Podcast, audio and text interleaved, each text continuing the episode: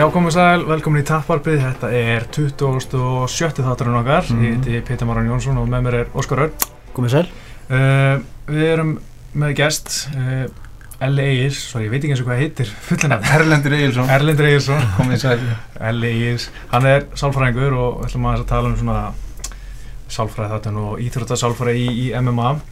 Uh, þátturinn sjálfsögur búið óðunsbúðar, óðunsbúð stærstætt í mjölni, selja við tvö, þar er þetta að fá allt til alls fyrir mm Mhm. barta íþróttir og almenna íþróttaiðkun. Er náttúrulega að flytja núna eftir Já, já. smá tíma bara í februar Já. það ekki Til það er spennandi einhvern veginn í óspúð Já, ég fæ gómana mína í mitt Það er líka, ég er mjög lillur á muni eftir Jó, ég er farið, ég er nú einu sinni með sér kipt gíðar sko. já, nákvæmlega já, þú ert blápalt í YouTube það er- það það tvö blápalt hérna með okkur Það- þetta er- þetta er þvílitt Mikill áfangi. level hérna. Í útarfi, nei, podcasti en já, hérna Þú hýfur okkur upp, Ís, Já. Íslandsmeistarinn. Það er hætti þessu hvernig hérna byrjað þú að YouTube uh, Það kom svolítið til að því að uh, ég var byrjar að æfina í mjölni. Ég sést með svona langan mikið nýðrótabakgrunn Þú veist, ég var aðtunum maður í handbólta, var alltaf í fótbólta fyrir það Hætti ungur í handbólta, uh, var bara 22 ára ykslus Og var svona að leita einhver íþrótt. Mm. Og svo datt ég nýri, nýri mjölni, bara í svona vikingaþrek og eitthvað vesinast já, og uh, fór á grunnámskeið og svona fekk svolítið bara dellu sko. Já, og hérna veist, mér finnst þetta svona himnesk útgáfa að vera nördasport. Og, og svo líka eitthvað sem að svona þar sem að þarf að taka svolítið mikið, mikið á við sjálfan sig veist, mm. vinna með kollin á sér og þú veist, því er ekki að verða aggressífur og allt þetta stöf sko, sem ég veist ótrúlega spennandi sko. akkurat. Þú þú varst í Brasilíum daginn ekki? Jú, við fórum til Brasilíu, fórum í mánaðaferð uh, hérna fórum til hérna uh, São Paulo, þar sem við vorum með hérna vorum uh, fengum að æfa í, í, í gimmi sem heitir Vila da Luta sem er í eigu uh, Dimin Maja Gæðut það var mjög spennandi uh, og, og skemmtilegt, bara strax á fyrsta æfingunni þá, þá hérna þá mættu við sko fengum að æfa með keppnisliðinu. Uh, við vorum þrjú sko hérna Inga Birna Ársalsdóttir sem er um Mhm. núna að fara að keppa úti á Europamestarmótinu hún, hún var með okkur og hafði farið áður. Mm og hérna voru sérst uh, já, kærastin hennar Guðni og, og hérna við komum á fyrsta æfingunum í keppnisliðinu uh, þar sem voru svona um þau 20 manns uh, með okkur. Þar af uh, 15 svörtbelti og svo komist við setna að því að 8 cirka bátöðu voru heimsmyndstara Shit.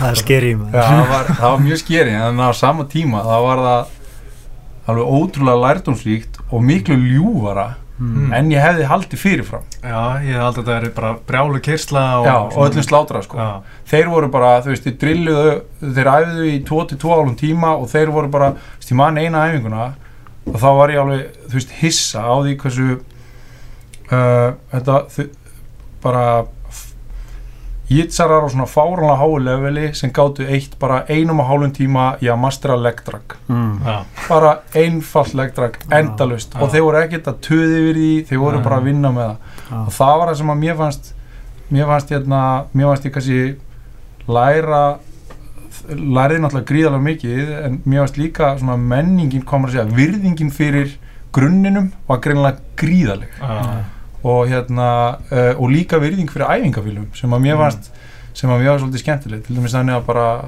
veist að neyja sér allir um leiðu þeir hérna Já. lappin á dínurnar Ok. bara neyja sér fyrir dínunum takk í spán á öllum sem eru fyrir á æfingunni og hérna þannig að þetta er svona það er alls konar svona stöf sem að sem að hérna hvað maður að segja, bara svona í tengslu síð og venjur sem að mér fannst fallegt sko.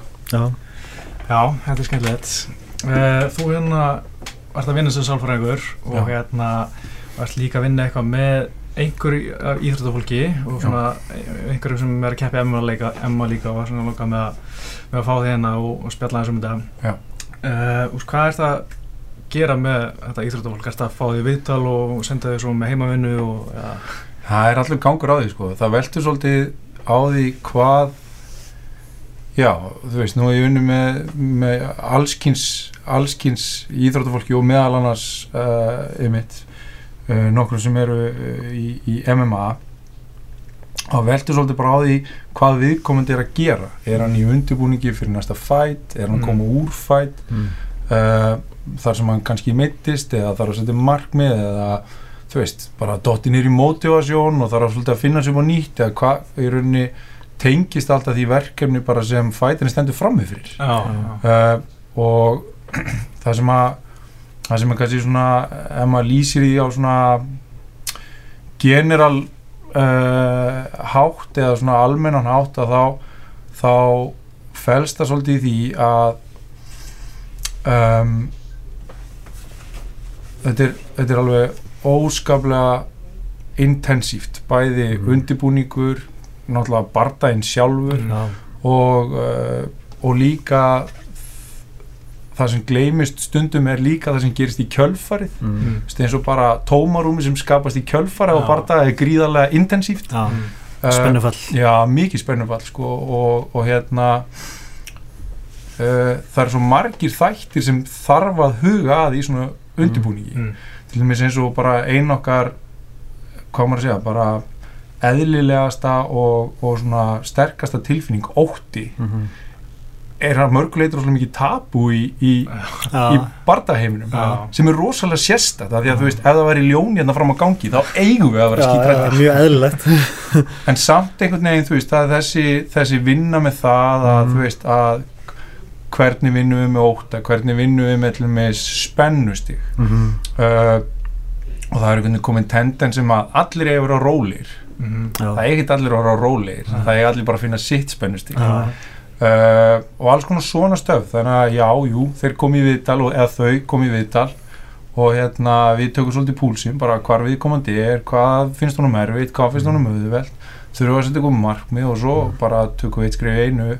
En það snýr, það sem er líkil atriði svolítið í því er að og þess vegna, þú veist, ríki náttúrulega bara trúnaður í tengslu við vinnuna en það sem er líkil atriði að við komandi svolítið uh, þóri að fara inn í það sem honum finnst erfiðast að vinna með Já, já. það er svolítið svona líkilatri í því að, að svona að, að hérna barndamannskjan verði frjáls fyrir því sem að er mest að bjagan og þarlegandi geti til dæmis haldið sér við planið sitt eða þú veist náið að vera róli eða tjúna sig upp eða stýrast ekki af þú veist, einhverju, já, einhverju orðastríði hínum meginn frá eða einhver svona Já, skilur Já, mér finnst það svolítið skemmtilegt með óttan sko, ég, Mm. mm. ég er alltaf að spyrja hérna krakkan hérna sem voru að keppa, veist, finnum við fyrir um ótta og sé allir nei. Já. og ég er alltaf bara svona, demið, þú veist, mér er svo gaman eða sko eins og GSP, hann var svo hreinskilinn fyrir bara það, hann sagði, ég er alltaf skítrættur bara það. Og þú veist, og mér finnst það svo gaman en, en þú veist, þau, þau svara bara eins og þau vilja skilja, já, en, hérna, en hérna og GSP talaði um að hann var alltaf ekki hrættur um að meiða þess, heldur bara hrættur um að tapa fyrir, fyrir framar, þú veist, alla skilja, það er, er eitthvað sem maður maður fattaði kannski ekki alltaf fyrst sko, það sé miklu Nei. meiri úti svona, Já. þú veist, hjá mörgum Mm. Svona- eins og Ronda sagði til dæmis þarna, eftir tapið hennar Mhm. að hérna, sem sagt, á móti Holm að, að þá, var, þá segir hún frá því að sem sagt, hún sitin í klefa og bara ef ég er ekki fighter sem vinnur allt, hver er ég þá? Já, Já, það er bara hennar ímynd Já, bara hennar social Já. ímynd er það að vera sigurveri á þessu sviði. Það er bara alveg þannig upp. Og þekkir ekkert annað. Sem reynda samt áhugavert og það er mammanar með doktorskráði í uppeldisofræði Já. hún er svo, svo steikt eitthvað. Næ ekki alveg.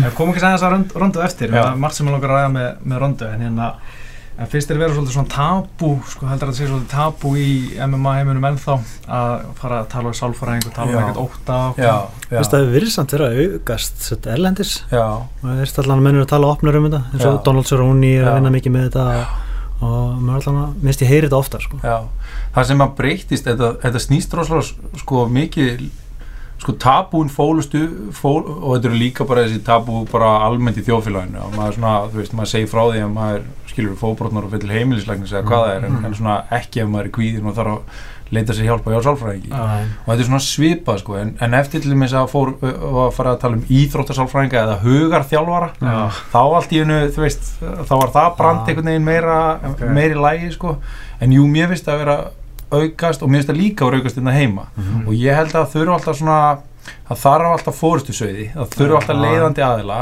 og, og þú veist, nú get ég alveg opinbræði að því ég veit að Bjarki Þór talaði um hérna við höfum unni saman að, að, að vera með svona opinskáa hérna, einstaklingar sem þóra keira þangað Mhm. já, uh, er mikilvægt og Já. þá svona opnast aðeins á, á tapumun en jú, mér finnst það og alls ekki sko mér finnst það bara almennt í, í íþróttaheiminum af því þetta snýst svo mikið um ég er sterkur. Það, þú veist, það er hverki bilbúið á mér að finna. Mhm. ég er með þetta og í staðin fyrir að- að að flippa við peningnum og svona þú veist að, að sko það er engin algjörlega með þetta.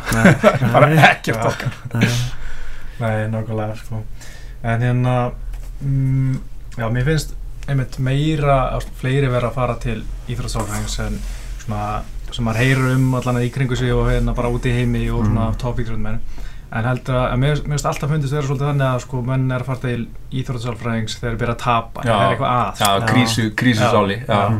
Þú en ætti þetta ekki bara að vera eitthvað svona sem hún gerir bara til að bæta öllum síðum Jú, að sjálfsögðu og ég meina svona krísustjórn er að miklu leiti til mjög óeffektív mm. Þú veist, að því að í rauninni það sem er verið að gera er að vinsúr þú veist, þú maður er að vinna úr miklu tilfinninga ójabægi og að level eitthvað Mm. uh, en í rauninni er ekki verið að forvinna neitt eða undibúa neitt eða styrkja eitthvað og Mm. sem er bara í, í sko öllum íþróttum og bardaíþróttum líka Mhm. það er aðal punkturinn Já. Þú veist, hérna Mér finnst það gott orð sem nota er hugarþjálfun já, en þetta er bara það, sko. já, klárt bara æfing í rauninni fyrir hugan sko. Og það sem hann notar rosa mikið til mis, þú veist, eins og í tengslu við akkurat sko hugarþjálfun, í því bara ef, und, ef, maður, ef það kveiknar í Mm og við vitum exit strategíun okkar Mm. og við erum búin að æfa hann áður þá erum við miklu líklega til þess að eldana í, í þeirri neyð þegar Mhm. allt er hratt og, og allir er í paníki sko. Já. og, og nákvæmlega eins og sko, þú veist einhver sem er að, þú veist, fær bara á sig fast högg í fyrstu lótu Mhm. og vangast ef að undir þess mun dýpri sem í rauninni undirbúningurinn hans og kannski líkilatri líka við undirbúningin eru prentuð í káli á honum sko. Mm. þeim mun líklegri er viðkominn til þess að bregðast við og elda það sko. Já. og það er þetta sem mér finnst kannski íþrótta sálfræðin snúast mest um hún er bara undirbúningur og Mhm. forvinna og einmitt æfing skilurðu. já. frekar en einmitt eins og gamla, gamla góða einhvern veginn krísustjórnin einmitt, Mm. þrjú töp í röð og bara hefur þurfum að fá sálinni í það og desperate. Já, mér, sko, ég veit ekki af hverju en ég alltaf haldið að þú veist að vinna með íþróttasálfræði MMA væri allt öðru seldri en öðrum íþróttum. Að því ég bara einhvern veginn, einhverjum sá þetta fyrir mér að þú veist, þetta er bara og mann og hann er að fara að buffa þig, eða þú veist, ég myndi maður að þetta er allt öðru sem svo, þú veist er ég ekkert endilega sammála í, dag, sko. Nei, Þessi, nei. er þetta ekki svolítið bara svolítið að sama, þú veist, fyrir Það er hvaða íþrótt sem er? samt eitthvað ólíkt með hópíþrótt og einstaklings eða ekki Jú, Já, já. jú, jú, það er, sko, ég er nefnilega í það, er kannski freka munur, þú veist, það væri til, ég nú séð einhvern tímann, eitthvað fjórum mútið fjórum, skilur kannski einhver líkið þar alveg, en hérna, jú, þú veist, það er sem einstaklings, ef maður hugsa þetta sem einstaklings íþrótt, þá er Mm. grunnurinn í þessu það sama, þú veist, ef við skoðum bara, uh, hvað maður að segja, framistuðu einhvers fighters, Mm. að þá, þá þá er hann með einhver, einhverja styrkleika þú veist, eins og Gunni í sinni, eh, þú veist, glímunu sinni Mm, eða, eða hvað það er sko. og hérna og, og svo erum við með andstæðing sem er mitt stendur framfyrir og langar bara að rífa þig nefið skilur mm. og, og, og það sem að í rauninni þá er svo mikilvægt í tengslu við ok, hvernig er spennustíði mitt nákvæmlega sér á tennispilara Mm. þú veist, Já, já, ég tjóka miklu frekar ef að, ef að ég er of tjúnaður eða ef ég er of reyður já, leður ég á reyður þá reagir ég á öðruvísi heldur en ég myndi vera slakur gagvart einhver, Mhm. skilur uh, ég spennist fyrir upp, ég verð fyrir þreyttari og svo til dæmis eins og bara segjum að ég sé, þú veist, góður wrestler eða þú veist, vilji keri takedown og eitthvað svona og ég þurfa að, þú veist, vesinast með fjalla eða eitthvað slíkt, þá er ég með ákveðin líkilatri í tengslu fókus, að ég get ekki verið að fókusa ég get ekki verið meðvitað að hugsa um þetta allt saman á sama tíma, að því að þetta er svo hratt. Já, og þá er kannski, erum við búin að sjóða niður leikin minn nýri kannski þrjú líkilorði eða eitthvað. Já. og sérstaklega þegar ég er þreyttur bara, hvað er það sem ég þarf að passa mig á að gera þegar, þegar ég kom í þessar aðstæður skilur, Mm. þannig að mm, þannig að munurinn er ekkert einmitt gríðarlega mikill á sko, jú það er mikill munur á milli hæ- frekara svona hægar statískar, þú veist það er ógeðslega mikill munur á til dæmis golfi já, já, og MMA já. Mhm. þú veist, uh, en í rauninni svona hröðum Mm. uh, hröðum íþrótum þar sem að er einn á móti einum Mhm. þá, þú veist, þá er þetta rosa mikið reaksjón, hugurinn, hvað er spennust í á hvað er þetta fókusera, hvernig bregstu við í rauninni uh, mótlæti Mm. hvernig, hvernig tekst þér að vera í velgengni þú veist, þetta snýst, þetta er rauninni jú, rosa mikið sömu elementin Mhm. þrátt fyrir að sko físikin í þú veist, Mhm. fá tennispilara sem enda á því að bara, þú veist vera eins og Rory McDonald, skilur við Já. eitthvað skilur við, en, en hérna en jú, kori í þessu hefur mikið svipað sko. Já, það er kannski meira kannski að ágjöra þú veist, ef þú stendur ekki þessu þá ertu buffaður mm. en, en þú veist, þú kannski tapar í tennis illa en, en það er ekki, er ekki að sama vera lamin illa sko. En nú til mér eins og þeir sem ég hef unni með í þessu, þeir upplifa ekki sko óta við sársöka eða nei. við að slasast Nei. inn í íþróttinni. Það, það, þú veist, þegar þeir eru, þú veist, ég gera það kannski fyrir, mm. þeir eru að lappa inn eða þeir eru að hita upp eða eitthvað, Mm. en þegar bardaginn byrjaður þá, þá lýsa þeir ekki þessum óta Nei, nei. Og, og, og allavega þeir sem ég hef unni með sko, Já. og, og mér finnst það svona mér finnst það sérst svona sjálfum svolítið áhugavert sko, Já. að því að þú færð fast högg eða eitthvað, þá er það von Já, Já, og ef þú ert orkulaus og varnalaus Já. þá er það örgulega hræðilega tilfinning sko. Já. já, ég held að já. já. Ég segi, það er það sem ég myndi örgulega óttast sko. Já, ég held að orkuna. ég rættastu við um þetta gasa sko. Já. Þú ert bara í fyrstulóti Já, Já. bara sem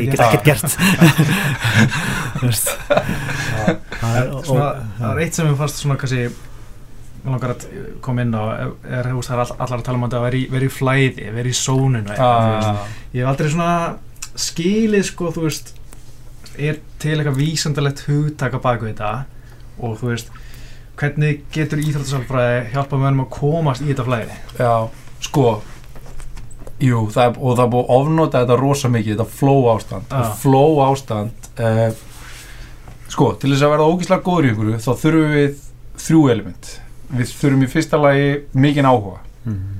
uh, til þess að vera ógíslega góður í MMA þá þarf mig að að langa ógíslega mikið að vera góður í MMA Mm. uh, og næsta, næsti faktor í, í þessu þrýðning er sko þekking Mhm. til þess að vera ógíslega góður í einhverju þá þarf ég mikla þekkingu Mm. uh, og þriðji faktorinn er svo ég þarf ógíslega mikla færni Mhm. og að því ég hef svo mikinn áhuga og að því ég hef svo mikla þekkingu þá endur tekið öðlast færni Mm.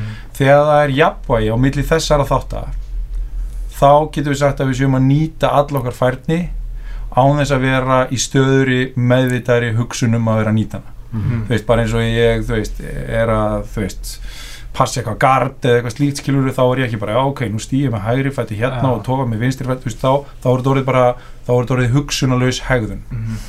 og þegar ég er komin á elítu level í einhverju, ég er búin að endur taka svo mikið að ég get gert þetta og upplifu með því veljan Mm. þá er oft talað um flow ástand. Mhm. og til dæmis mjög góð uppskrift af bara óryggi er að langa eitthvað ókslega mikið og vita ókslega mikið um það en ná ekki að framkama það skilur þannig að veist, þetta er svona flow ástandi og já það er búið stúdur þetta fullt sko og hérna Mm. þú veist, þetta er stundur svolítið svona fancy stuff ég var að segja einfalda hlut finnst mér sko Já, ég skilji. Ég maður bara Donald Cerrone að tala um þetta og hérna Joe Rogan í hefur hlust að hann er að tala um hún leið best þegar hún leiði eins og hann væri fyrir utan sjálflega sig og horfa að sig sparra. já, já, Mm. Ég get ekki índ mér hvernig maður kemst, eða svona hvernig, hvernig það er að vera í þannig ástandi, sko. en málið er þú getur það samt ef þú pælir í sko að því að þarna er handlumis augljóslega búin að beita ótrúlega mikilli sjónrætni uh, æfingu til þess að ná þessu Já. uh, en ef við tökum eins og einhvern svona einfaldan hlut sem við getum öll bara að loka augunum og ímynda okkur að við séum að gera allir, eins og bara busta tennunar Mm. þá getum við flest hver uh, svona séð okkur fyrir okkur busta tennunar Já. að gera svona einfaldan hlut eins og busta tennunar Mm. það er ekki droslega flókið sko Mm. Þú veist ég bara, já ok, og að því ég þekki aðstæðunar, ég veit litin á baðherbygginu mínu og ég veit hvernig tampustin mínu er og speilin og allt saman og það er svona, mm, það er ekkert svo flókið sko. En því er komin svona flókna aðtöfni svo, við hvernig er ég að glíma eða Mhm. skilur við, þú veist, í hvað aðstæðum er ég og þá, þá kikkar inn í rauninni mitt, hugar þjálfunin að hafa beitt sjónmyndavinu svona mikið að þú getur bakkað tvöskari frá. Mm. En það er fáralegu styrkleika að geta bakkað tvöskari frá, að því að til og með segjum við vorum að leysa flókna þraut við segjum að við erum að reka flóki fyrirtæki eða eitthvað og við bara ok, hvernig við að hérna ef við getum tekið overview á þetta og bakka tvöskara frá þá erum miklu líklega til þess að leysa vandan Mm. Og við erum bara nákvæmlega sama sem hann er að beita, en það er mjög erfitt veist, það, það er erfitt að komast ánga sérstaklega í svona hraðri kontakt íþrótt sko. Mhm. Já. Já, ég svona velti fyrir mig að hann tala um líka stundum hefur hann náði og stundum ekki veist, hvað veldur því Mm. hann er ekki flestir er að, sko, til dæmis eins og með þetta að, að ef að það er einhver trublandi áhrif eins og til dæmis ef hann er í aðstæðum sem maður þekkir ekki já, ef að það eru, þú veist, ef það er ef það er mikið að hljóðum, get trúa til dæmis að það veri mikið læti á, veist, leikvangnum þar sem hann er að slást. Já, eða, það myndi hafa áhrif. Eða ef að viðkomandi væri mikið að tala í eiranum og taka hann út úr fókusnum sínum Mm. skilur eða eitthvað svona. allt sem er henni trublar sjónmynda, já, einbendinguna hans og sjónmynda hans gæti tekið hann út úr því sko. þannig að segja maður hans er búin að visualiza að sjá þetta fyrir sér ákveðin ákveðin hátt Já. og svo er bara miklu meira bjóst Já. við og þá þú veist er, eða jafnvel að viðkomandi þú veist, beiti annari strategíu sem komur um á óvart og hann þurfa að fara að virkja á sér hausin og hugsa öðru í sig það getur til dæmis verið þú veist svona um, element í því að, að koma óvart getur til dæmis Já. þú veist, tekið fókus rosalega mikið frá í rauninni anstæðingnum sko. Hvaða hérna einn barndagi sem ég alltaf hugsa um þegar ég hugsa um svona andlega þetta það er Eddie Alvarez og Conor McGregor Já. Þú veist, Eddie Alvarez var búin að hamra á einhverju gameplani bara Mhm. marga mánu aftur og aftur og aftur svo hann kemur inn, hann talaði um að hann gerir ekkert sem hann Nei. ætla að gera eftir fyrsta höggi frá Conor, þá bara hvar gameplani alveg út í glíðin Já. hvað hva heldur þú svona að horfa á þetta svona á hann outside, Þú veist, hvað er að gerast þarna? ég held að hann bara ekki ég held, ég held hann hafi skort ég held að hann hafi skort skipulag og undirbúning og vinnu í því að undirbúa það að vera kildur að fá eins og hann sagði sjálfur veist, eftir bardagan bara þetta var svo hratt. Já, ég bjóst ekki við því að þetta er svona hratt. Ég lá, Mm. hann sagði eitthvað, I set my bomb þú veist, já, ég satt bara rassinum og hugsaði hvað þetta var hratt. Og Mhm. við erum óundirbúin sem gera það að verkum aðeins mitt fókusin hans fer frá því sem hann ætlar að gera Mhm. og hann fyrir að reagera á, á í rauninni styrkleika anstæðingsins það er konum skil uh, og, og, og þú veist þráttur eins og hérna, eftir lótu eitt að þeir eru eitthvað að tala við hann og hann jánkar bara, hann breytir yngur já, já, og hérna uh, er rauninni að sko aftur ef að handlum með segði ef hann hefði sko þráttur hann hefði þráttur hann hafi í marga mánuði talað um þetta gameplan Mhm. þá var hann í marga mánuði í meðvitund og í æfingu við að undirbúa gameplanin þar að segja hann var alltaf í stjórn. Mhm. svo þegar hann kom inn í aðstæðunar að, að berjast, þá var hann ekki lengur í stjórn. Já,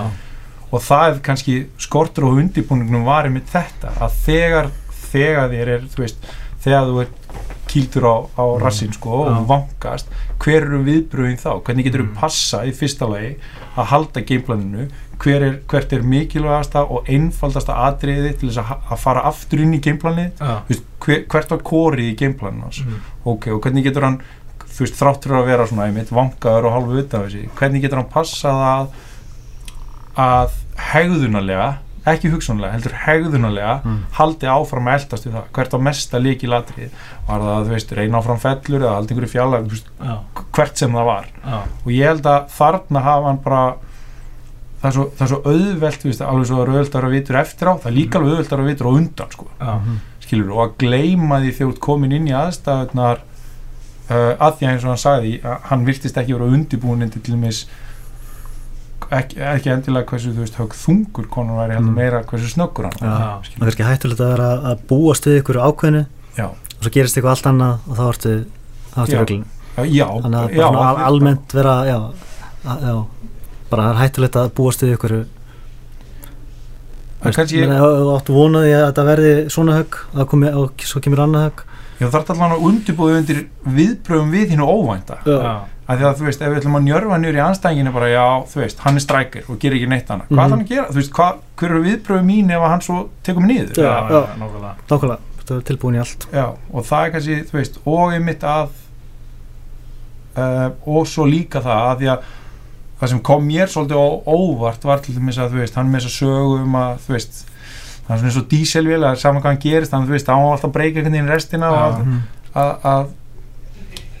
að að að, að, að að því að hann virðist hafa gert það áður fyrir, sko. Já, já, Þú veist, áður virðist hann hafa náð að fara aftur inn í gameplanin sitt þrátt fyrir að mm, einmitt, sko, hann var hundra sinni kildið niður í barða að bara partur af jobbuna að vera kildið niður og svo fyrir Já. þannig bara kom hann aldrei tilbaka. Bara, það getur líka verið augnablikið, stór bardagi já, mörg augu. Já, þannig að- og uh, það sem kannski líka um, þú veist svona eins og í aðdraganda bardagans í tengslu við, þú veist, þetta orðastríð og, Mm, og, og mikla fókus og það allt saman, það sem að það sem að kannski konur og rútín er að, að taka þátt í því á svona Mm. háu leveli Já.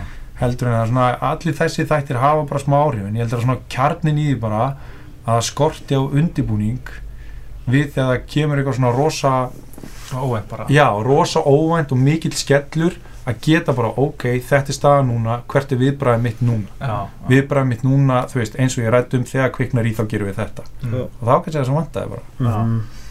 Já, þetta er mjög skemmtileg pæling.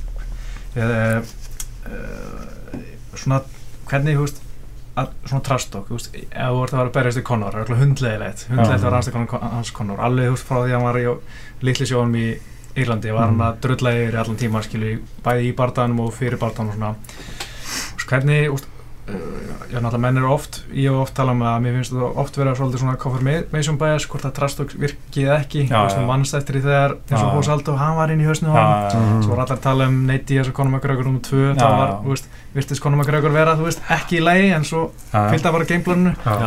Hvernig horfðu þú á svona trastokk? Ertu svona mikið að spá í bara, ert þú að spá í þessir í hausnum og hinnum eða?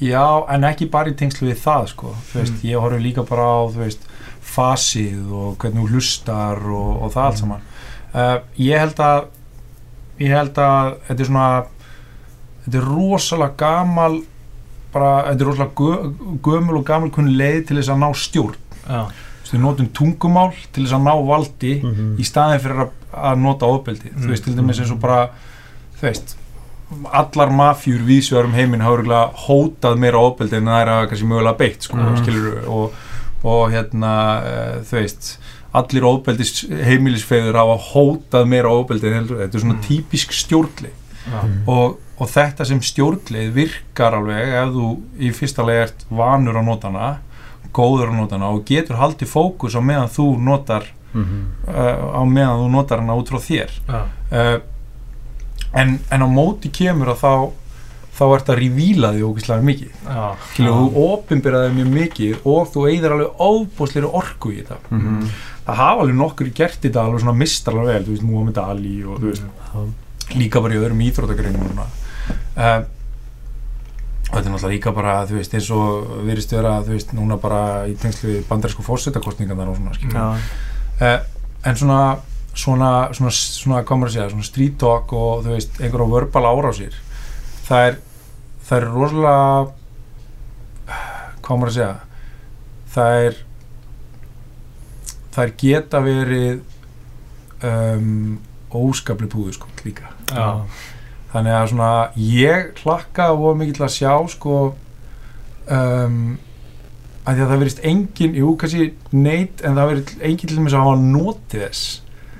Að að vera on the receiving end já, í svona orðastriði við Conor já, en máli er að það er eitthvað sem gerist oft þú veist, það sem einhver svona einhver látmáð þegar að tala í kringum honum manni finnst það eiginlega bara svolítið skemmtilegt. Já. svona raunverulega skemmtilegt. Já. að því að þú veist að því að þú veist það fyrir gríðarlega orkið á hinnum hann er, hann er þú veist, að því að ég hef ekki sér neitt nýta sér þetta. Mm, meira bara nær hann að standa þetta af sér eða komst hann inn í kollin á honum eða eitthvað svona skilur já, en það er líka tækifæri til að nýta sér þetta Mhm. öll, ork, eh, hérna, öll orkan er hinum megin öll, allir fókusin er hinum megin óbúslega mikil viðleitlinn til að ná stjórn en máli er að eina bara ef að við komum til næri ekki stjórn Mhm. þá er hann strax þú veist, þá er hann strax eiginlega komin í pínu undirstöðu sko. já, þannig að þetta er svona um, mér finnst þetta, jú þetta virkar oft sko, og þetta er, þetta er mjög góð leið til þess að taka fókus til dæmis Mhm. já, uh, ég held að sko hvort sem það er fyrir barða þú veist um, það sem þetta gerir líka að því að þetta kveikir sko reyði hjá hinnum mhm, og eitt af besta sem að ef maður ætlar að koma einhverjum í ójabæi sem maður er að fara að keppa við að slóst við er að gera hann reyðan Mhm. já, að því að reyði er rosalega orkumikil mhm, en hún er rosalega óstýrlátt Já. Þú veist, það er auðvöld að taka fókusin á einhverju sem er reyður já, þannig að þetta er svona þetta eru, þetta eru mjög spennandi pælingar. Ég, ég á ennþá eftir að sjá einhvern svona svona ná að vinna með þetta. Þú veist, að gera úr því bara ok, við vitum að koma á vörpa lára sér Hva, þú veist að því að pólitíkus að gera það bara allan daginn að það verður spennandi að sjá hvort að einhver komi og svona nái að. Ég sé það ekki alveg gerast reyndar í bíli. Nei, Mhm. að mér erstu svona maður svona sem sofa sérfræðingur eitthvað þá svona heldur maður Húsi Aldó Connor, veist, hann var reyður, hann ætlaði bara að tjarta já, beint á hann og þess að hann var rótað það er alveg það er ekkert að því að segja það svona, maður, svona, maður trúir í alveg sko. Ég held að það verið rétt líka bara Já. þegar til dæmis er svo á fréttamannum fundunum þegar sem að þú veist, eitt skiptið þegar hann var hann að tala eins og lítið badd tilbaka við hann og eitthvað svona þar sem að svona, hann var greinlega bara komin í ójabæ Já, briljant Já, þetta var, var hérna alltaf gaman að fylgjast með þessu en, en hérna uh, hver myndir segja að það væri svona að þínum að svona, svona andlega sterkastir í MMA þú fylgjast með svona að utan? Ó, góð spurning maður. Um, Ég held að að þú nefndir Serone á hann. Ég, ég, hann er klárlega e eitthvað sem er svona dettur einna fyrst í hug sko. Mm. uh, að því að það er svona nokkur það er svona nokkur element hann til dæmis lítur á þetta bara sem vinnu. Já, og ég er bara, þú veist, ég þarf bara hann er alltaf að tala um the buck og eitthvað svona. Hann fyrir bara þjána peninga. Uh, ég held að hérna, á meðan hann er ennþá, hann hefur vinnugildi sem eru rosalega sterk. Mhm. uh, þráttur að sé alveg hægt að ræða hvort hann sé að slást og mikið sko og það allt saman. en hann hefur gríðalega sterk vinnugildi og, og það verðist ganga hjá honum. Það sem er annað í, í svona af því að hann verðist nálgast þetta ég er ekki að segja allir að nálgast þetta sem vinnu en í Mm. hans tilfelli þá verðist að vera mikill styrkleiki. Af því að hann til dæmis na, það er enginn að fara að gera hann reyðan það er enginn Mm. að fara að taka fókusin hans hann verðist vera bara léttastur og vinur flestra þarna, Já. þú veist, á einhverjum fréttamannafundum og eitthvað svona, þú veist, æfingum fyrir og eitthvað svona. Matt Brown virtist einmitt alltaf gera eitthvað svona bara leita að taka höndunum á svona Já. segir honni bara hlóa brósið sko. Já, og það er einmitt síðasti punkturinn sem er Mm. eiginlega mikilvægastur er húmor. Og það er ekki svona þóttafullur einhver kaltanis húmor heldur bara svona genuine húmor. Þú veist, hann mætir gladur til leiks. Og hann finnst gaman að vera í vinnunni sinni. Já, þannig að ég held að, þú veist, ég myndi svona uh, allavega svona uh, held ég að, að fyrir mér svona núna svo líka svo auðvelt sko núna er Mm. hann sterkastur Já, Þú veist, hann er í velgengni og þú veist. Uh, Svo tapar hann. Já, svo, svo kemur eitthvað sjáum, sjáum hvernig hann bregst í því Já, sko. en ég er svona, hann hann er kannski karakter sem er dettur fyrst í hug uh, núna, jú og náttúrulega hérna Dimitrius Dimitri Jónsson. Ég held, og ég held að hluta til sko hérna um, ég veit ekki, það er nú kannski bara veist, það er dreigð upp úr bara mínu myrkustu hérna hólum skilur að hérna að ég hef ekki hugmyndu hvort það sé rétt eða ekki en ég held að þú veist, hann sé smávaksinn hann er alltaf upp svolítið á brekku. Mhm. uh, þú veist, þegar hann var, þú veist, fyrst þarna, kannski, þú veist, Pantfólón bestur eitthvað svona skilur, Mm. hann er svona gert einhvern veginn grínaði að hann er lítill eða eitthvað Ah. slíkt skilur uh, ég, ég held að svona það að hann sé hafi þurft að vera í svona miklu mótlæti svona lengi, Mm. gera það að verkum að hann er rosalega vanur í og mjög góður í því já, Já. og, og ég held að það, það er klárlega held ég, þú veist hann, hann funkar allavega og svo er það kannski spurninga því að bara hann er í Já. þannig þingtaflokki, þú veist, maður er ekki séð nógu mikið, mikla mótspyrnu kannski eða eitthvað, ég veit Mm. það ekki en það er svona Mm. kannski annar aðeins sem er dettur í hug sko Ég hugsa mikið um wrestlerana. Já, Það þeir eru einmitt búin að ganga í gegnum mikla svona mótspyrnu og, og keppni eins og. Chris Weidman og þessi já. Þeir eru rosa harðir sko. Já, já, já. maður veit, ekki hvort það sé allt bara svona eitthvað utan á sko eða hvort þeir séu raunverulega svona harðir sko. Það er hvort að tala um- grátandi heima eða- tala um að wrestlan séu so mentally strong og ég leiði mig samt aðeins að efast um það sko, að því að þetta er svona þú veist þú veist, þetta er pínu svona þú veist hvað maður að segja, svona þú veist fuglsegg getur alveg verið svolítið hart að utan sko, þetta er alltaf svona, svolítið svona alfa male Já, sport og þeir þurfa já, að vera já. aldrei upp við að vera harðir Já. með ekki sína veikleika og, og eru svona, veist, og það eitt og sér í mitt svona aðstæðum sem bara eðlilega, ef þú ert bara veist, ekki alveg nöyt heimsku sko, og nokkuð vitiborinn, þá Mm. kveikir það bara stundum óta og Já. þarft að kunna að vinna það mhm. skilur, og veist, þannig að ég er svona mér, ég, ég er svona jú, jú, sumir eru alveg bara harðir í gegn og þú veist, bara einhverja vinni í Jones típur og frábært, skilur, en, Mhm. en ég held að mjög fáir að þeim séu raunverulega þannig Mhm. að því að bara, þú veist, þeir voru allir einu svona börn, þeir voru allir einu svona rættir Já, þú veist, sumir eru over myrkvalin, alveg eins og ég skilur það allt saman, svo er það bara fullotnir en þeir draga alveg söguna sínum með sér Mhm. þannig er alveg veikleika sem þeir þurfa, svona huglaga veikleika Mhm. sem þeir þurfa að vinna út frá og það ætlar alltaf að taka það á sömu taktík bara ég er svo stór og sterkur Aha. að ég þau bara í gegnum þessu hurð bara, hey, það er hútnáni, lappaði bara í gegnum það skilurðu. Mhm. þú veist, að ef, að- ef þetta er alltaf svona sami þú veist, sama taktíkin, sama útlitið ekki, þú veist mm, ég, ég, er svona, ég, ég leiði mér aðeins að efast um það. Ég hef alltaf hugsað svona eftir að ég byrja að æfa einhverja glímu að það er svo ókvæslega þetta ná takedown sko. já, Þegar þessi gæðir eru í þriðlóti eða fymtulóti óksatreitir Mm. er að grænda þú veist að drulla sér að ná þessu helst Já, já. takedowni bara til þess að klára ná sigurinn já, sko.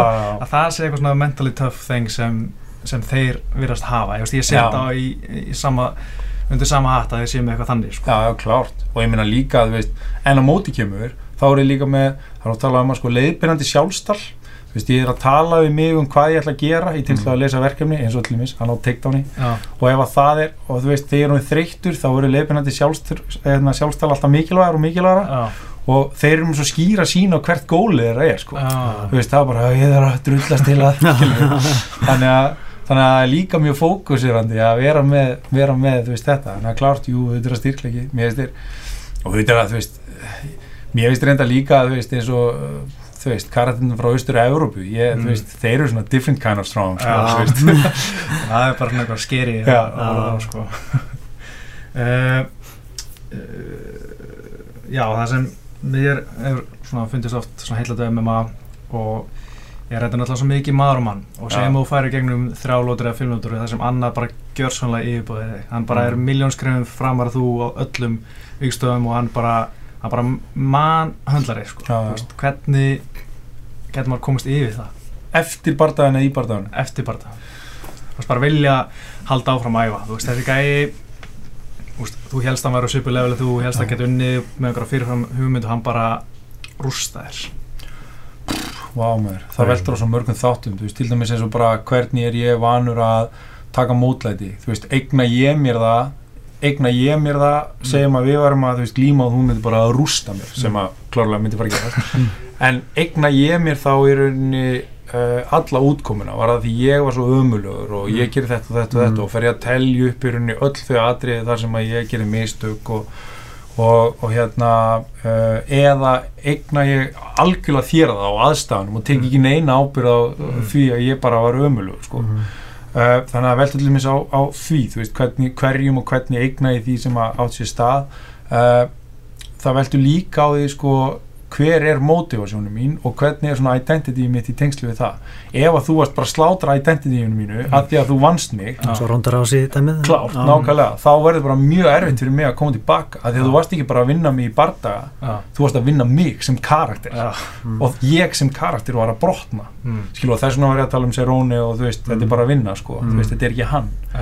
Uh, og það er alls konar svona þættir sem eru ótrúlega mikilvægir. En fyrsti, fyrsti punktur er náttúrulega það að geta uh, með eins og raunsæjum hætti skoða það sem átti sér stað til dæmis eins og þegar maður er að vinna með áfall eins og þetta og, og hvort sem það er sko, þú veist, hvaða áfall sem það er hvort sem það er lendi í bílslýsi eða svona Mm. þá þarf maður hægt og rólega að geta einmitt eins og þú veist, að fjarlægast viðburinn það mikið að ég geti talað um hann hugsað um hann og unni með hann án þess að hann meiði mig tilfinningarlega þannig ég get farið að taka til í honum og unni með hann eins og verkefni. Já, og það er alltaf fyrsta mál og það er svona til mér sem maður sé uh, bardagafólk vera að tala um kannski bardaga miklu miklu setna og þeir eru ennþá öskur reyðir eða klökna eða eitthvað. Já, þá svona strax indikator á bara, heyrðu, þú ekki búin að klára þetta sko. Já, já. þetta er ágætis svona tenging í Ronda Rási því að þetta fannst mér svona að ég hafi mikla reyfasendi fyrir barðan hún væri búin að vinna úr Hóli Hólmtapinu hún Já.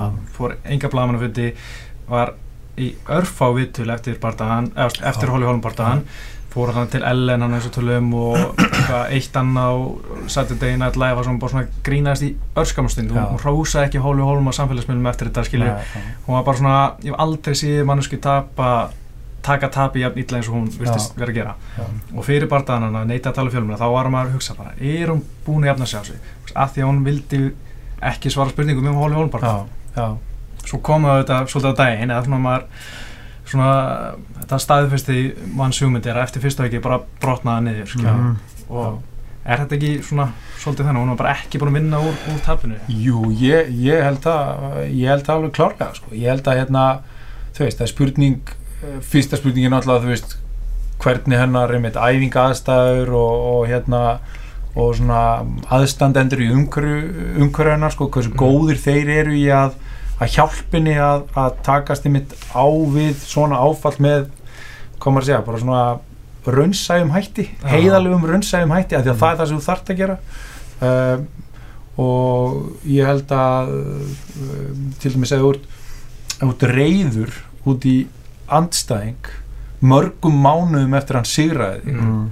þá ertu ennþá bara tilfinningar hlaðin þannig að þú ert ekki klári að fara að keppa næsta vardags með Já. að fara að slást aftur uh, ég, held, ég held líka bara þú veist, jú, með þetta með eins og hún sagði sjálf sko að bara ég, hérna hver er ég ef ég er ekki, þú veist Mhm. ef ég er ekki besti, hérna, fætirinn sko, Já. þá er ég ekki neitt og, og, og um leiðum maður hengir, þú veist, ef ég hengi það hver ég er svona Mhm. mikið á eitthvað Mhm. uh, sem er samtalið eðlilegt þegar þú ert, þú veist, atvinnumanniski í einhverju og hefur Já. bæði, þú veist þú, þú þjána peninga á því og það er sem þú þekkt fyrir og það Mm. opnar tækifærið þín og ba ba ba ba ba þá er það alveg eðlilegt að það gerist en það er rosalega fragilt sko. Já. uh, þannig að ég er svona ég held hún hafi klárlega bara ekki unni út úr því, ég held hún hafi heldur ekki unni út úr því uh, sko bara, hvað maður að segja, þetta var svona einn huglagi þáttur í tengslu bara þetta var greinilega augljóslega óbúslega mikið áfall fyrir það Mhm. uh, ég held hún hafi heldur ekki unni út úr því sko, hvað maður að segja, svona íþróttalega. Mhm. Já. í tengslu bara ok, hvað var að gerast? Hverju þarf ég að breyta? Hvernig nálgast ég íþróttina mína? Og ég tók til mér eftir því þegar hún var að hlaup inn í, í búr í hérna núnes uh, bardaganum, þú veist.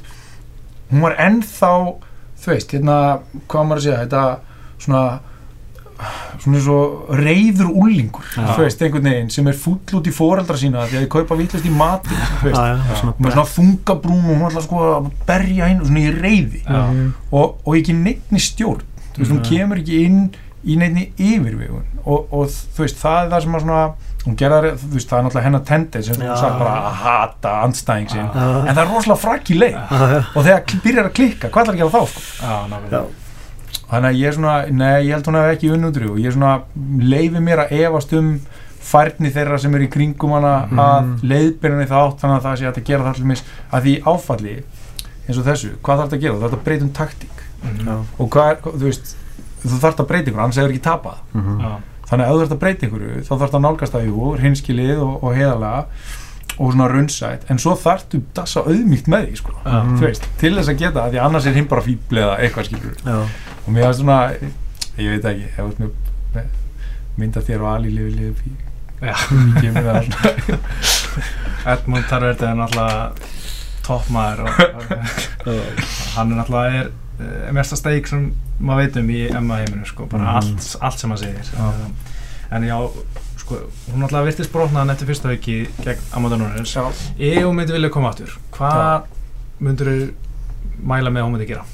fór sér huga þjálfur Já, ég held hún eigi bara ég held hún eigi að þú veist uh, ég, ég upplýði kannski pínu líka að þú veist, hún er svona eina af þessum típum sem þarf bara miklu meiri vinnu heldur en bara Mhm.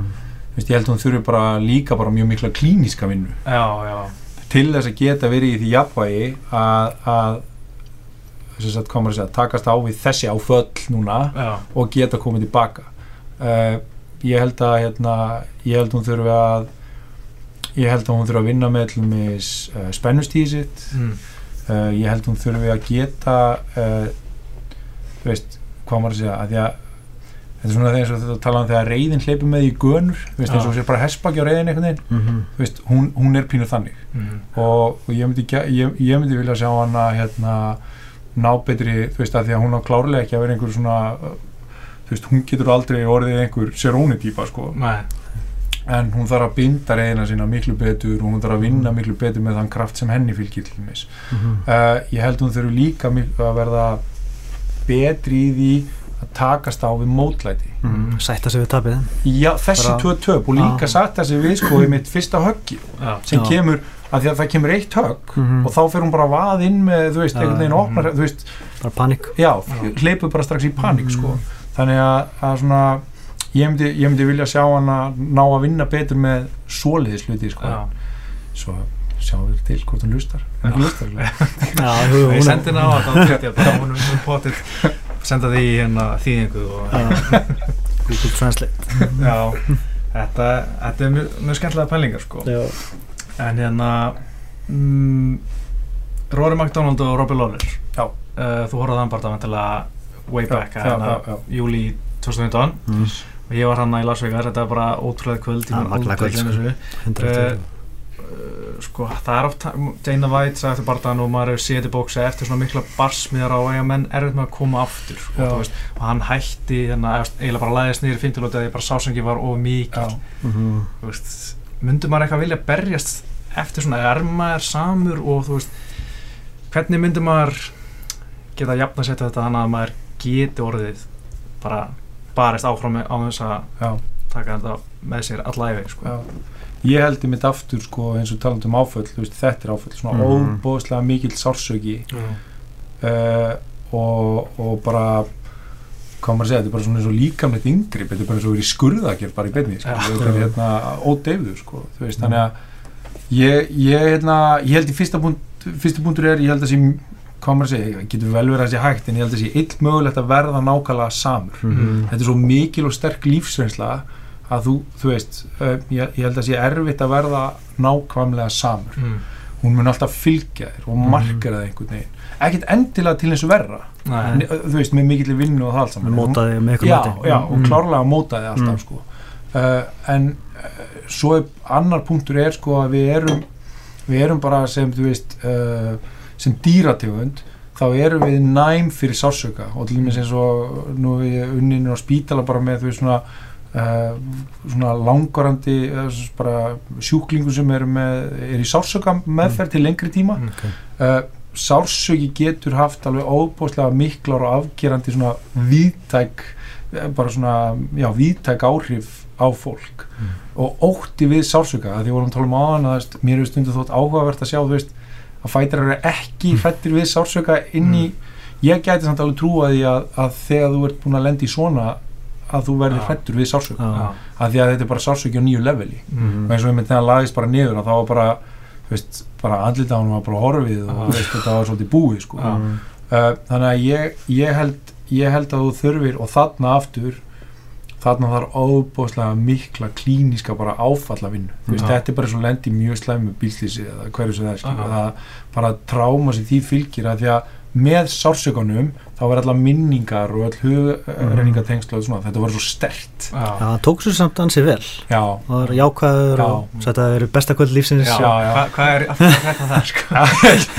ég er satt, þú veist, já, þeir bá líka, þú veist, uh, báðir náttúrulega vörin og hinnum, bara einhvern veginn, skilur og þú veist, þeir náttúrulega, en, en adrenalínið er náttúrulega Ennþá. mjög hátt ennþá og svona, Mm. þannig að þessi freka kannski svona í, í eftirkostunum, að því að líka, svo kemur inn, eins og vorum tala um, þú veist, uh, þegar barndan er búinn, þá er, þá er sagt, tímabilið eftir, eins og í þessu tilfelli, tímabilið eftir barndan svo rosalega intensíft Mm. óbúslega tilfinningarlæðið endalst eitthvað í gangi í kollinum að þér mm. uh, og ég held að geti verið mjög erfitt að mótivera sig og skipulegja sig inn í næsta bardaga út frá svona bara, þú veist, fyrir mér er þetta rosalega mikið áfall eða skilur, Mhm. þetta er þráttur að einhver segja að þessi besta kvöld lífsins veist, þá varstu samt eiginlega ekki með andlit eftir það sko skilur að hérna uh, ég, þannig að þú veist auðvitað þarf að taka tillit til þess ég, ég held, en ég held að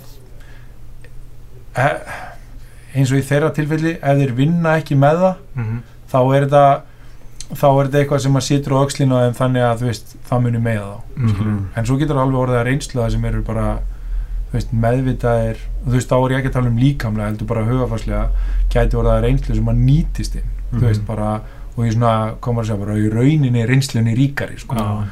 uh, svo veit maður ekkert með, þú veist, hvort að kinn og nef og svona haldi og, og Mhm. það allt saman, sko, hvort að bara líkamlega geti tekið við svona barsmiður, sko Akkurat, sko, eins og hann barist ára setna 11 mánu setna við hérna Stephen Thompson. Já, Stephen Thompson, þá var nefið hans í, í vandræðum í fjóra fundilóta Já. sko. og hann þarf aftur að fara í aðgerð þar að Já. gera það og, og aftur í ári burtu sko. Já, þannig að næst þá mun hann hafa ágjör á nefnu aftur. Já, já. þetta verður endalust Já, Já, þetta er ljóta vissinni Já, Vardamað með nefandamál. Það er ekki gott. Nei, kynna maður bara með ljótt nef eða eitthvað, Já, svo vandarlega silfa það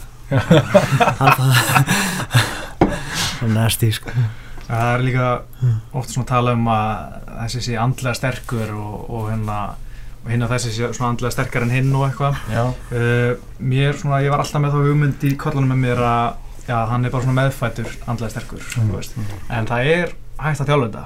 Þú getur alveg orðið andla sterkur alveg svo verður bara líkalega sterkur með því að þjálfa Mm. með því að lifta Já, algjörlega, ég meina bara nákvæmlega eins og með að lifta, þetta er bara þjálfun. Mhm. og þú veist, uh, hvort það eru, þú veist, einhverjir hermenn út í heimi eða einhvers konar sérsveita lögreglum eða eitthvað slíkt, þá eru þeir og, og, og þær, þú veist, eh, þá er, þá er fólki þjálfað í, ég með, þú veist, andlegum styrk. Mhm. og það er alls konar en það sem er svolítið áhugavert, ef við erum að tala um andlegan styrk, þá er hann svo hann alveg eins og bara vöðvastyrkur, þá er hann svo margvíslegur. Já, og það er til mis, þú veist oft tekið sem dæmið þegar að kenna, þú veist, að Navy Seals gerir sjónmyndar þjálfunaræfingar, Mm. veist, þeir nota svona visualization æfingar, Mm. þeir nota líka þakklætisæfingar, Mhm. Já. eða skilur hvað að fara þú veist, við erum alltaf að tala um bara eina hliða andlegum styrk sem er svona endurance þóla, hérna þ- þóla átök og Mm. þú veist, það er mitt að vera kýldur niður og eitthvað svona, Mm. en í því þá þarftu líka að geta einmitt, þeir sem hafa húmor Já. Í erfiðustu aðstafanum eru miklu líklegri til þess að þú veist lifa af með jákvæðum hætti eldur en hinn þannig að þú veist þannig að jú, það er sko klárlega hægt að æfa það og, og það sem er kannski mikilvægt í því og ég hvet alla sem er að pæla í einhverjum svona hlutum að ekki festast í einhverjum svona stereotypiskum hugmyndum hvað andlegu styrkur er. Heldur skoðu svolítið bara að skoða sjálfan sig og hvernig, að því að það markera svo líka út frá því hvernig persón, persónuleikar við er. Já, Mhm. Veist, ef að ég að jafna þið er stóískur og rólegur og yfirvegaður þá er það eitthvað sem ég á að vinna með í tengslu við minn andlega styrk og svo Mhm. mögulega hvað trublar það og hvað er ég dett út úr því að nýta mér styrk, styrk minn sko. já. ekki reyna að breyta Nei, eða verða, eða verða að einhverju sem ég raunni er ekki sko. Mm. þannig að jú, klárlega það er þetta að það alveg það Mm. er bara færni sko. Já. Já. Þetta er skemmtilegt náttúrulega sé eins og Gunnar þekktu fyrir að vera rólegur, stóiskur já. Já. hann ætti náttúrulega bara að halda sér þannig einbæta sér að því já, þú veist, og ef hún líður vel í því og ef að hann mm. finnur eða, þú veist, ef, að- ef að það er það sem virkar best fyrir hann Mm. og hans framist að það er best þegar hann nær því uh, þá er það líka kannski það sem hann þarf þá að kveikja í aðstæðum sem að þú veist, veikja hjá honum ó, eitthvað óryggi eða þegar ef hann verður reyður eða eitthvað slíkt skilur Mhm. eða fer út úr skipulagi eða, uh, eða það hann finnst skipulagi og mikið eins og hann hefur talað um sjálfur skilur og hann vill ekki um mikið skipulagi hvernig Mhm. sem það er en þá er það líka þannig að það, þú veist, allir upcoming fighter á Íslandi eigum mitt ekki að vera svo gunni og taka hjálma inn og vera gett róli þú veist, það, það, það, er ekki, það er ekki allra að vera þannig Mm. uh, og, og þetta snýst svo mikið um að þekkja sjálfan sig og að þekkja hverju styrkleika sínu eru. Mhm. og að halla sér upp að styrkleikunum sínum í þessum intensíu aðstæðum já, þetta er akkurat mjög góð punktur. Ég er svolítið pæltið í hvort að fyrirmyndin hérna er Gunni og það eru allir svolítið svona rólegir, sko, þú veist, en svo segir maður kannski svona Conor er mjög æstur og hann svona labba svona fram og tilbaka árum bara Já, hann byrjar já. og maður sér nokkar gæði í SPG í Dublin sem svona Já, eru svolítið í þeim pakastundu líka, Já, sko, þú já. veist, og svona með Trastók og Kokki og hérna Já. bara eins og James Gallagher, sko, já, en mér fannst hann ekki vera típan í hann, sko, þau þingað eitthvað Já, Já. Það er mjög eðlilegt að bara, já, að apa eftir henni því sem hún sér, Já, sem virðist bara virka mjög vel. Já, En við erum kannski einmitt heppin með það þá og við erum mjög svona, þú veist, auðmjúk og fallega fyrirmynd hvað þetta var Já. sko.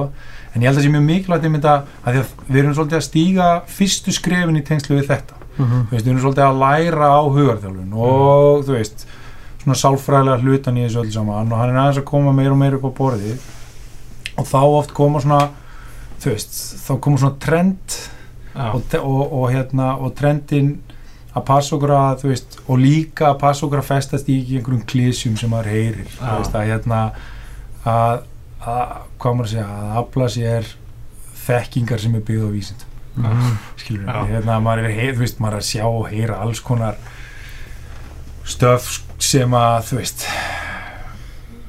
sem er bara eitthvað fjas Já. þú veist, sem bara það sem einhverjir svona virtuosoar þú veist, út í heimir að vinna með einhverjum fæturum í tengslum við eitthvað mhm, og þú veist, svona bara eru ekki eru ekki að byggja á þú veist, maður, ef maður talar um gaggrinda þekkinga, einhverju Já. stöfi sem bara búið að rannsaka Já, skilur, og, við, við vitum að virkar að því að akkurat. veist, við myndum, að ég veit ekki ég myndi, ef að ég væri með fóbrót þá myndi ég ekki vilja að einhver væri bara heila með fóbrót sko. þannig að hérna, og þetta er bara nákvæmlega saman með kollin á okkur sko. Já. Já, ég er með svona maður sér alls konar á netinu sem ég, og að ég er náttúrulega með smá bakgrunni sálfræða og eh, gagnrýni, eða svona er ég mjög gaggrinni á efast um allt sko einhvern veginn, en hérna já, ég er með pæla átt í sérstaklega eins og kannski mér finnst það að þessu margir MMA barndamenn séu svolítið svona ég, ég veit ekki hvort að auðtróð sér rétt en er alltaf að leita eftir næsta edge sko, alltaf Já. eftir að koma, koma á snýt bara alveg svona moment tæmi, þú veist, það byrja einn að gera þetta svo að allir konum með eitthvað moment þjálfara og og svona þú veist alveg sama hvað þið er að þú veist, að þessi er komið með eitthvað svona þjálfara, Já, ég ætla bara að fá með nákvæmlega svona líka, þú veist já, já. Og ég held, þú veist, og, og það er akkurat þetta þetta er kannski svolítið gott dæmi eins og movement að því movement er í eðlisinu bara örgulega á þess að ég hafi nok nokkra þekking á því, Mm. örgulega víður og breyður skóli Mhm. uh, eða grein með, með bara allskins fólki, með allskins hæflingar þar sem Mhm. sumir eru algjörlega frábærir Mhm. en þú getur bara leipilaði að, veist, að, að fólk leipilið sig, sig sko, já ég er hjá movement coach Já, og þar að leiðandi er þú komið þetta edge að því allir er Já. að vera það sem Mm. ætla að vera þú veist, hérna um, og, og ok, það er þá frábært að sé að vakningum í rauninni, þú veist, meiri hreyfanleika og betri Já. mjaðmir og axlir Mhm. og þetta allt sem er frábært þannig að þú veist, það sem er á bakvið það er frábært það er frábært að það sé meiri vakning um hugafar til dæmis í íþróttum Mhm. en, en svo, þú veist, svo, svo næsta skrifa vins úr það sem er sko hvað maður að segja, gott og ekki gott Já. Já. og, og, og það er svona hérna held ég að sé um, já, í tengslu svona hugafarstáttin að einmitt, að vera svona að leita, leita vúdúinu einhvern veginn, það er svona Já. ég veit ekki, ég veit ekki hvort það virkar jú, ef það virkar fyrir frábært skilur Já. Uh, ég held ég sé að búið með alla svona, allt sem ég langa að tala um uh, allan ekkert sem ég man eftir allan svona um, Eitt sem ég var að spá, mér finnst þetta mjög algengt að að menn séu að, að visualiza, sjá fyrir sér sigur og lappa inn í eins og maður har hort á Ultimate Fighter svona, það er að gera aftur og aftur, lappa inn í búrið, lifta höndum eins og séu búinir að vinna, þú veist, heldur þetta virki? Mm, að ákveðnum forsendum uppfylltum Okay. Og ég ætla að leiða mér að efast um að þeir uppfylli allar svo, ég hef myndi séð þetta líka ég fæst þetta svona, nei ok, uh, málið er sko uh, oftast að nýta um, nýta sjónmyndir eða svona visualization til þess að upplega eitthvað tilfinninga ástand mm. eins og að sigra er ágætt ef þú nærða að fara inn í tilfinninguna já, ef þú ert að annar bara hrættur um að þú munir ekki vinna Mm. þá ert aldrei að fara að upplega sigur tilfinningun sem fylgir því að þú veist lifta höndunum þannig að Mm. þá er það automatist bara í rauninni óttavíkjandi að gera þetta mm. uh, það sem að mest nota til þess eins og sjónmyndavinnu er að vinna tækniatriði Mm. þú veist, segjum svo að ég þurfi að uh, laga einhvern hluta, einhvern afmarkaðan hluta í mínum leik Mm. þú veist, segjum ég fái högg á öðrum megin að lækki höndin á mér og þá opni ég mig eitthvað skilur og það sem við förum þá að gera í sjónmyndavinni þá fyrsta bara getum við lokað augunum og við förum og lýsum í rauninni því ferli bara, þú veist, þeir þeir eru svona hegðunakeðju eins ít, svona ítarlega og við getum og svo Mhm. finnum við út einhver einhver svona líkil moment sem eru afgerandi í tengslu við hver er munurinn að gera þetta vel eða skilur við Mhm. ok, svo þegar við erum komið þau líkilatriði þá getum við, þá er það orðin fókuspunktar sem við ætlum að vera meðvituð um í þeirri hreyfingu Mm. jú, við getum notað þetta í tengslu við bara hvert er, þú veist, hvað er þú veist, að finna lyktina því vinn eða eitthvað svona, en Mm. oftast nær þá, þá er sko þá erum við svo fjarrið í að um, þá erum við svo fjarrið í að komast inn í þessa tilfinningu eða þú veist, Mm. að, að hún er eitthvað að fara að virka ég veit til dæmis samt þú veist eins og þegar, ég veit til dæmis eins og þegar hérna á ólpileikumni Peking þegar handbóltaliði vann rosa mikið með þetta Óli Steff Mm. þá ná hann, hann með sinni vinnu og svona sínu Ja. spjalli, að hann var konstantli taka á því einhverja bátsferði og alltaf einhverju vikingar og þá voru þeir komnir inn í einhverja tilfinningu það sem voru komin í sigur tilfinningu Já. Mm. skilur við og, og þegar þú ert komin inn í sigur tilfinningu þá Mm. ertu komin inn í sjálfströst Já. Já. skilur við, Mhm. þannig að þetta er svona ah, þú veist, ég sé það ekki alveg gerast já, veist, það er ekki nóg bara að loka augunum og lista höndum Það er ekki svo einfalt Já, hvernig getur bara svona maður eins og Conor McGregor haft svona óbyrlandi sjálfströst? Gæti ég verið með jafn mikið sjálfströst veist, Já, sko, þetta er mjög áhuga spurning og ég stundum velti fyrir mér hvort að þetta sé uh, þú veist, hvort að þetta sé holdt já, uh, hvort að þetta sé of mikið og hvort að þessi svona þetta ég veit ekki hvort ég hafa að segja mikið læti en svona, jú, þú veist, þetta eru mikið læti. Já. uh, að hérna hvort að hvort að, sem fyrsta lega hvernig það þróaðist og hvernig þessi óbúslega að því sko, oft þegar við erum að tala um sjálfströst uh, þá, þá er ágætt að skilgrina út frá því sko, sjálfströst er trú mín á að ég geti farið í gegnum einhverjar aðstæður og spjara mig ákveðlega skiljið uh, hann hafi svona mikla sjálfstrú uh, á að fara í gegnum allar mögulegar aðstæður. Og hann getur unni breytt líka menginu, breytt sportinu og mm Mhm. því allt saman. Uh, það er svona stundum þú veist já það er oft talað um mikil mennsku brjálæði Mhm. Já. eða bara svo mikil mennska og þannig er rosalega fín lína á milli og ég er svona, þú veist uh, ég, ég held að þetta sé samt, þú veist, þú æfir sjálfströst Mm. og við getum alveg aukið það og, og hérna uh, og, og það er mjög auðvelt að fara að byrja að búa til velgengni hjá bara öllum einstaklingum og, og þar á meðal íþróttafólki og velgengni getur falist í því bara við fögnum þegar við reymum á okkur skona skilur við Mhm. eða hvað það er. Uh, og svo förum við stígu vaksandi og þessi óbílandi trú en, en hún er alltaf þeir sem eru svona eins og hann eh, með svona mikið sjálfs mikla sjálfstrú og, og mikið sjálfströst þeir eru vanlega rosalega miklu visjónerar Mm. þeir sjá sig á einhverju leið. Uh, og þeir eru vanalega búin að sjá sig þú veist, eins og hann þú veist, þegar hann var bara pjakkur þú veist, að hérna kannski, þú veist, 17 ára eða eitthvað, Mhm. mm. ég veit ekki hvenær hann byrjaði að- vinna svona markvist að þessu, þá hafði hann þá trú að hann gæti orðið svona stór. Já. og það væri bara aðstæðunar sem í rauninni væri að halda aftur honum Mhm. uh, þannig að svona, þetta getur bæði verið en með því að því að ef að vinnugildinans væru ekki í takt við þessa Já, já. óbóðslega miklu sjálfstrú Já. þá væri hún bara að vinna á Já. þannig að þú veist að því, að því tilskildu að, að þú veist vinnugildin sé í takt við þetta vision og þessa sjálfstrú og ok, þá getur það frábært þau getur munni með það en ég er ekkit viss um þú veist, það að vera hvað á maður að segja, það að vera kokki án inni allt sem hefur aldrei verið neitt sérstaklega stef sko. Það sést oft í bandarískum raunveruleika þáttum. Já, já, já. allir vissum að þeir ætla að vinna alveg Já, var alltaf gengur það ekkert upp elskaði til mér svo Survivor. Já. þar voru allir með Allir þetta um bara- það þið varum með þetta það var var verið að taka á alla út Nákvæmlega. kortir sinn. Masterchef og svona klassist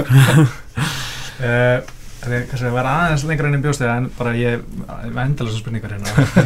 En hérna er ekki sjálfströkt svolítið svona svolítið mikið og mikið tala um það hérna í vestræna heiminum? Er þetta ekki, þú veist, er þetta ekki ég man eftir að lesa einhverstað í Japan er þetta bara Jú. nánast ekki í tungumáli Jú. í svona kollektivista samfélögum þar sem að í rauninni þar sem það skiptir ekkert öllu máli sko. uh, máli er ég ég myndi gætna vilja færa færa en hann fókus yfir á sjálfstrú mm. þú veist, hættum að tala um sjálfströst heldur bara trú mín á að ég geti komist í einhver aðstæður Mm. og hvað þarf ég til þess að fara í gegnum aðstæðunar Já. fókusum er á færni og færni aukningu Mm. hvort sem það er sko, að því leiðu við segjum bara já, við erum svo mikið sjálfströst, þá erum við búin að setja bara allan huglega pakka Mm. og ætlum ekki að vinna með hann við bara, þú veist, við erum með svo mikið sjálfströst að við tölum okkur svo mikið upp eða, þú veist, postum svo flottum myndum okkur á Instagram að þú veist, að við erum búin að, við erum búin að útiloka vinnu, færniaukningu í öllum þessum þætti, Mhm. skiljið þannig að ég myndi gætna, jú, ég er alveg innilega sammálaðir og ég myndi gætna vilja taka svolítið fókusin frá því og fókusa meira bara á færniaukningu hvort sem það er líkamlega eða huglegt sko. Já, já, já. já, þetta var gott svar. Uh, Hóruðu á Beats of Penniger? Nei, Nei, ekki má sjá. Ok. Ekki spóla Það sem ég vil segja bara, er, þú veist, þegar er að vera sína hæladrillið áram berst og það er ekki HT, þá áttu ekki að vera berjast, skiljur. Nei, nákvæmlega Það er ekki vaffa á S upptökur Þetta er það gamalt efni að þú veist, já, þá bara slepp. Þetta er alltaf bara asnalegt sko. Við skulum bara klára þetta en að, maður vera að spóila of Pen uh, barndaganum. En Eli, takk hjálpa fyrir að koma, þetta var mjög skemmtilegt. já, takk fyrir komuna, bara frábært sko. Við tökum upp einhvern veginn aftur við Óskar, fáum kannski einhverja aðra gesti fyrst að það er bara eiginlega ekkert að gera núna. Svona, Það er frekar dött tímabil Já, Janúar frekar hræðilegur mánuður sko. einmitt, já. Mm. já. En, En uh, ég heiti Petur Óskar og við þökkum þér Eli kjælaður komuna og verið sæl.